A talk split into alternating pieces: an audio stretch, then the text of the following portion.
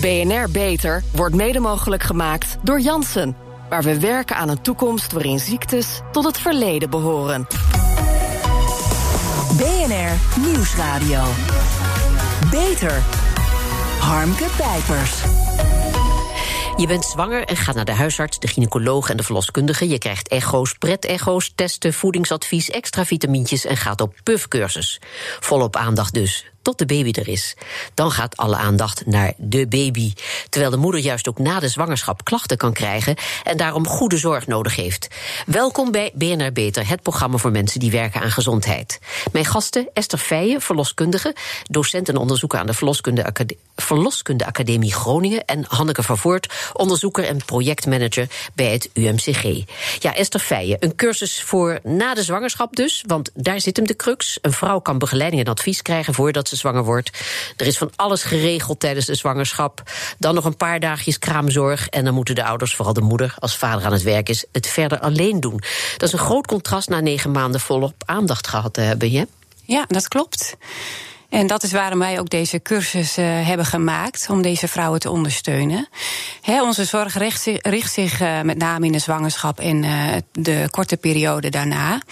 En dan zeggen wij vaak als verloskundige van als er wat is met jou, dan moet je naar je huisarts, want daar kun je terecht. Ja. Dat betekent dat ze hun eigen zorgvraag moeten definiëren. En als je niet precies weet of een klacht normaal is of dat af, afwijkend is, ja, dan uh, is dat wel heel erg lastig. Ja, Hanneke Vervoort, jullie willen daar verandering in brengen.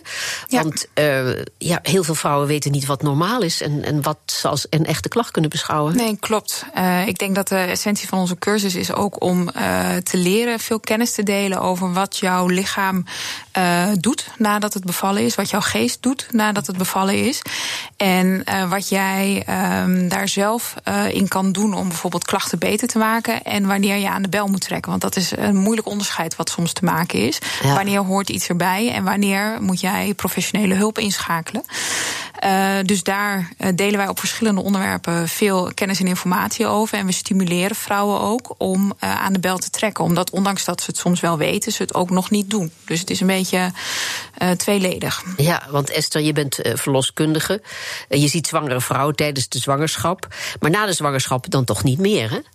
Nee, eerst uh, tien dagen kom je als verloskundige regelmatig bij de vrouwen nog thuis. Hè, om voor, voor de moeder en de baby te zorgen. Ja. Um, en daarna is er een, bij zes weken een uh, nakontrole. En vervolgens uh, stopt de zorg van de verloskundige. Ja, en wat kan er fysiek gaan na de zwangerschap? Ja, van alles. Uh, wat ja, ik wist, het is een veelomvattende vraag. Ja, ja, ja, nou ja, voorbeelden zijn bijvoorbeeld incontinentieklachten.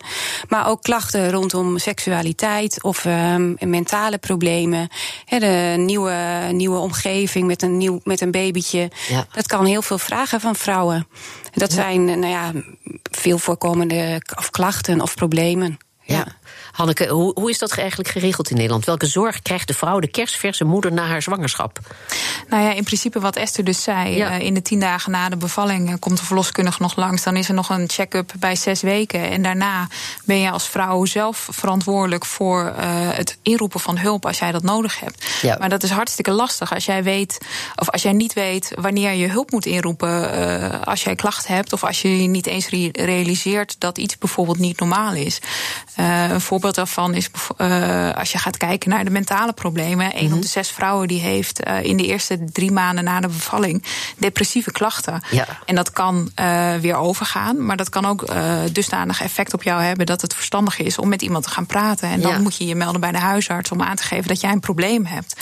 Alleen dat kan een hele grote drempel zijn, omdat jij je abnormaal voelt of omdat je niet weet dat, dat je hier hulp voor kan krijgen. Ja, dus dat is iets wat wij, wat wij willen duidelijk zwangeren, daar ben je wel even mee bezig. Ja. En uh, de, daar zouden misschien ook controles moeten komen, behalve dan die uh, zes weken, uh, mm. na zes weken die nakontrole. Mm. Maar Hanneke, voor deze doelgroep is ja. in Ierland de cursus ontwikkeld. En Klopt. toen jullie daarvan hoorden, hebben jullie die snel naar Nederland gehaald. Want dat ja. voorzag in een behoefte, ook een behoefte van jullie. Want dat hadden we in Nederland nog niet. Waren jullie zelf niet eerder op het idee gekomen dat dit nodig of op zijn minst nuttig zou kunnen zijn? Vroeg ze vals.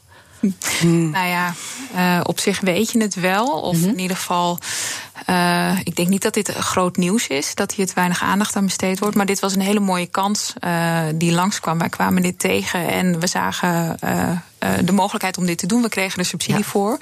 En nou ja, dit, dit heeft iets heel moois opgeleverd in onze ogen. Ja? Dus dit, ja. Want wat is de basis van het onderzoek? Wat... De basis is een, een verloskundige in Ierland die het probleem signaleerde bij haar patiënten. die heeft toen een onderzoek gedaan onder 3000 vrouwen. Zij was ook verloskundige en onderzoeker tegelijk. Dus dat oh was een hele mooie combinatie. Dat hebben we graag. Ja, ja dus zij heeft een, een onderzoek gedaan onder 3000 vrouwen om te praten over de ervaringen die zij hebben gehad in het jaar na de bevalling. Zo heeft ze alle uh, problemen geïnventariseerd op een wetenschappelijke manier. En toen heeft ze met de vrouwen samen, heeft, of met een klein groepje van die vrouwen samen, heeft ze deze cursus ontwikkeld. Dus hij is echt gebaseerd op de ervaringen en de behoeftes van de vrouwen. En dat is ook ontzettend belangrijk als je zo'n product maakt zoals dit. Ja, ik begreep dat het toch nog wel een tour was om achter de werkelijke problemen van vrouwen na de zwangerschap te komen. Hè? Klopt, al gaat het in een vragenlijst wat makkelijker natuurlijk. Ja, hè? Dat maar, is maar wat, waar hebben we het over? Wat zijn de grootste taboes? Nou ja, uh, Esther die stipte het net al even aan. Je hebt het over incontinentieklachten, zowel uh, urine-incontinentie als uh, ontlastingsincontinentie, depressieve gevoelens, angsten, problemen met seksualiteit. Maar ook zoiets simpels als: goh, wanneer zou ik weer moeten gaan sporten? Hoe werkt mijn lichaam? Um, zou ik niet zo snel mogelijk na de bevalling weer in beweging moeten komen? Of moet ik eigenlijk wat langer wachten? Want het wordt natuurlijk heel erg gestimuleerd om zo snel mogelijk weer fit te raken. En daar moet je zelf heel, veel, heel hard je best voor doen. Maar het is ook hartstikke zwaar om dat kind te hebben. En je lichaam doet nog niet wat je wil. En dan, nou ja, hoe, hoe zit dat nou precies? Ja, maar vrouwen, vrouwen die lossen dat probleem niet op. Die denken het zal er wel bij horen. Of het gaat misschien over. Esther, ja. ja, en dat is wat ze juist denken. Het zal er wel bij horen. En dat is niet altijd de goede oplossing. Nee. nee. Misschien mag ik ook nog aanvullen dat het um, soms lastig is om goed, uh, kwalitatief goede informatie te vinden. Wat is nou waar en wat is nou niet waar? Als je op het internet gaat kijken, dan vind je heel veel informatie. En het is heel lastig om te onderscheiden hmm. um, wat van goede kwaliteit is. Heel veel non-informatie. Ja, heel veel non-informatie. En de cursus die wij ontwikkeld hebben, daarvan uh, kunnen we uh, met zekerheid zeggen dat het gebaseerd is op wetenschappelijke, verantwoorde, goede kwaliteit informatie. Dus wat de vrouwen leren in deze cursus, daarvan kunnen ze ervan uitgaan uh, dat het waar is wat er gezegd wordt en dat ze daarop voort kunnen bouwen. Ja, maar ja, die beginperiode met een baby is gewoon heftig. Hormonen, ja. gehuil, slapeloze nachten. Mm -hmm. Dan voelt de moeder zich vaak uitgeput uitgeput, niet fut, uh, niet fit. Uh, hoe maak je als kerstverse moeder het onderscheid tussen dat wat er wel bij hoort en wat nou echt niet goed gaat? Nou, dat is ook heel erg moeilijk. En dat kan ook helpen om ervaringsverhalen bijvoorbeeld van andere vrouwen te horen. Van hoe deed zij dat? Ja. Hoe heeft zij dat ervaren? En wij geven wel tips en tricks van wat is eigenlijk nog normaal? Hè? Wat past in het normale? En waar, wat zijn signalen waardoor je toch misschien hulp moet gaan vragen? Ja. Maar ik denk dat doordat wij toegevoegd die ervaringsverhalen hebben, dat vrouwen herkenning voelen. Mm. Of dat ze denken van hé, hey, maar dit is toch anders bij mij. En misschien moet ik daar hulp bij vragen. Dus we helpen ze ook van waar kun je dan weer hulp vragen? Ja. En, en de huisarts komt niet in aanmerking? Ja, die heeft al een, uh, een aantal taken, zoals wij weten. Nou, de huisarts komt zeker ook in, mhm. in aanmerking. Ja. En ook de jeugdgezondheidszorg komt in aanmerking. Die zouden ook daar een rol in kunnen spelen. Ja. Het is alleen, daar moet je naartoe. Ja. ja. Maar vrouwen blijven vaak uh, toch lang, uh, te lang met pijn rondlopen. Dat zien vooral bekkenfysiotherapeuten. Dat is begrijpelijk. Pijn wordt kennelijk toch onderschat of gezien als iets wat erbij hoort. Hè? Ja. En de vraag is iedere keer: ja, is dat normaal? Was niet normaal? Mm. En hoe ja. kun, je, kun je doorbreken dat vrouwen erover gaan praten, toch samen met vrouwen? Ja, het mooie zou zijn dat dat zou kunnen. Maar ook als je in een groep met vrouwen samen bent, weet je niet zeker of je de goede informatie met elkaar hebt. Mm -hmm. En er is bijvoorbeeld wel een vorm van zorg, dat heet centering parenting. Ja. En dat is een groep vrouwen die samen met hun kindje naar het consultatiebureau gaan en daar is een zorgverlener bij. Dus die kan checken van is dit nou een verhaal wat klopt of is dit nou een verhaal wat echt wat extra onderzoek nodig heeft. En dat zou wel ook wel een mooie vorm zijn voor sommige vrouwen om dat te gaan doen. Ja. ja want dan heb je en contact, sociaal contact. Met een klein kind is dat sowieso al wat lastiger. En daarnaast kun je checken van hey, klopt mijn aanname? Ja. Postnatale depressie, die term kennen we tegenwoordig al een ja, tijdje. Maar heel veel moeders kampen toch met angst en depressie. En weten dan ook niet wat voor uh, etiketje erop moet plakken. Nou, je hoeft ook niet altijd een etiketje erop te plakken. Ja, gelukkig. Soms dan heb je gewoon last van angstklachten of depressieve klachten zonder ja. dat het meteen een stoornis is.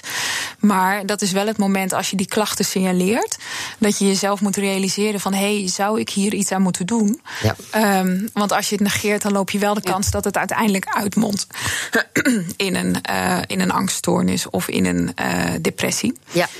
Ja, dat hoeft niet altijd te zijn in hulpverlening hoor. Maar dat kan ook zijn van zoek eens contact met een vriendin. Of ja. meer met je moeder. Of uh, kijk eens hoe je sociale steun is. Want dat is ook ontzettend belangrijk. Ja. Hanneke, de, de vrouwen, de moeders moeten taken doorlopen, heb ik begrepen. Wat voor taken zijn dat?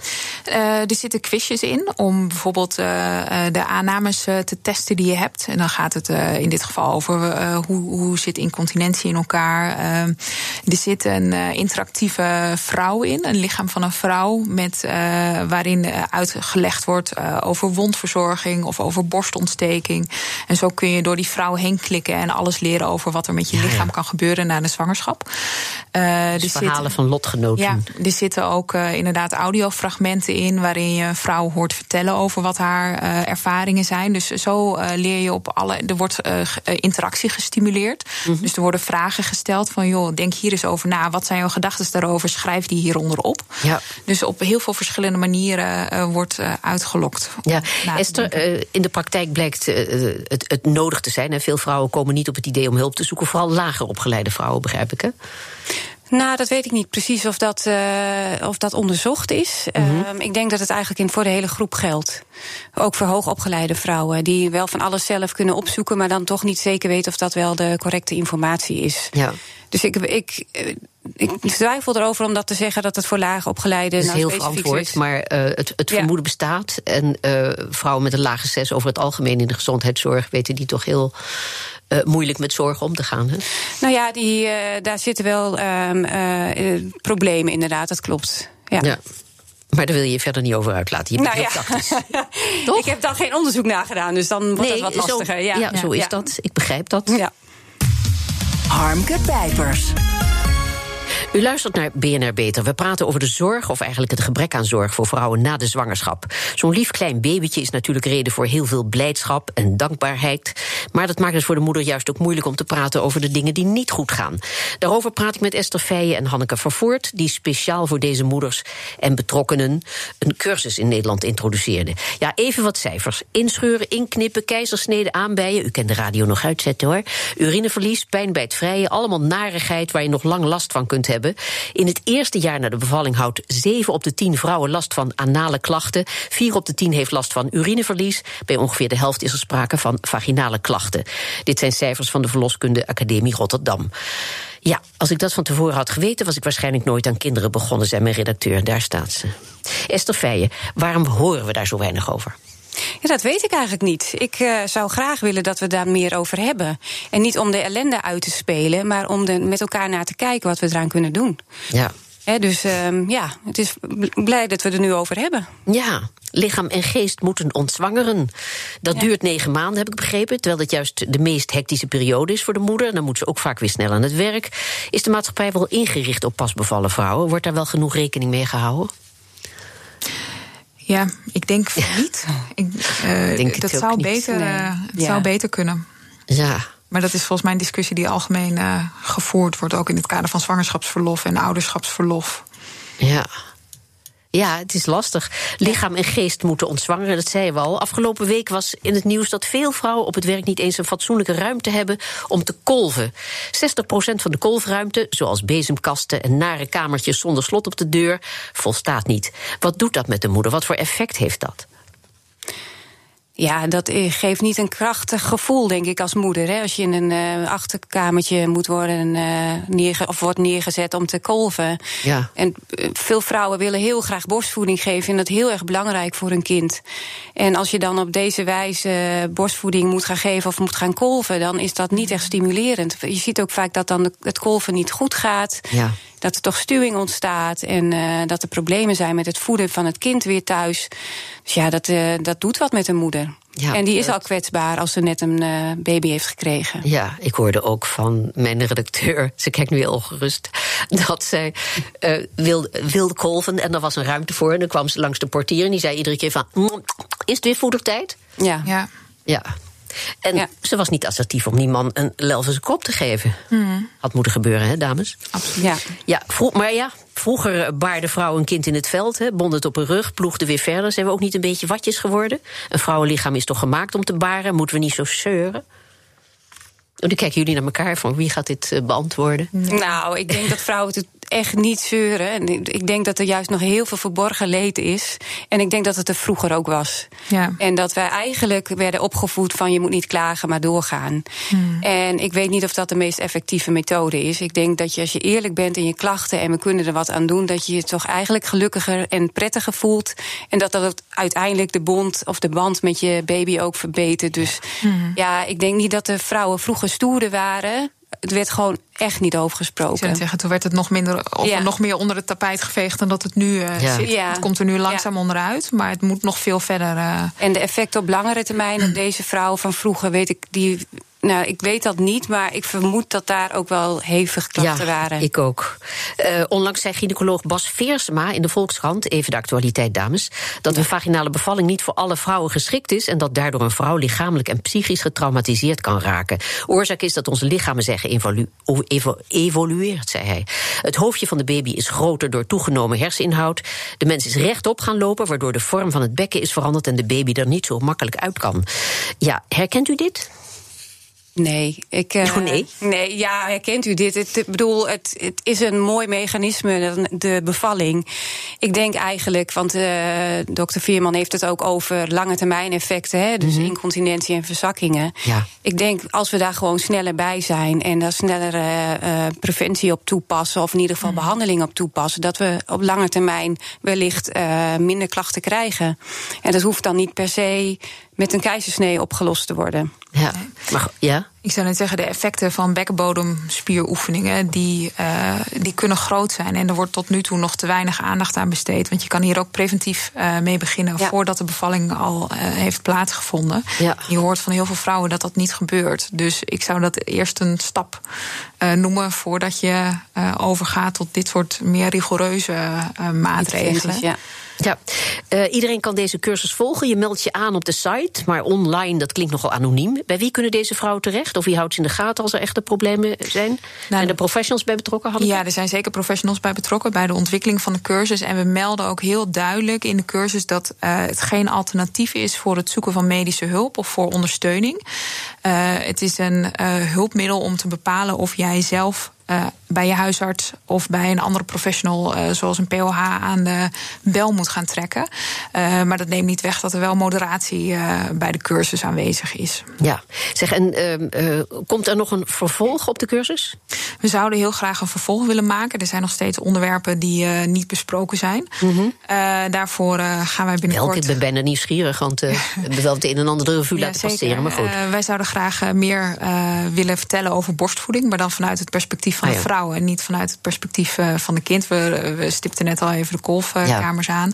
Uh, slaapproblemen. Uh, de rol die jij krijgt als moeder, balans vinden in die rollen. Want je hebt natuurlijk verschillende rollen: echtgenoot, werknemer of werkgever, familie, dus zoiets. Ja, en volgens mij hadden we. Ja. ja. volgens mij was dat het. en dan kunnen natuurlijk het zeker, ja? Nieuwe onderwerpen eh, bij. er valt nog zoveel uh, te zeggen. Maar we zouden heel graag uitbreiden. Maar dat hangt ook af van vervolgfinanciering. Dus, ja. Uh, en, en uh, is men uh, jullie goed gezind? Is daar begrip voor? Is daar geld voor? Dat hangt er vanaf. We hebben nu een uh, subsidie van de EU, een EIT Health subsidie. Mm. We kunnen daar weer nieuwe aanvragen indienen. Dus dat zullen we ook zeker doen. Oké. Het mooie is wel dat wij straks kunnen aantonen dat veel vrouwen hier um, belangstelling voor hebben. Ja. Dat is voor subsidieverstrekkers natuurlijk ook een soort van relevantie aantonen. Ja, klopt. Ja. Dan zijn ze eerder geneigd om, om uh, te subsidiëren. Ja. Goed, waar jullie zijn te vinden, dat zetten we dan ook op de site. Hartelijk dank, Esther Feijen en Hanneke Vervoort. Zorgvernieuwers.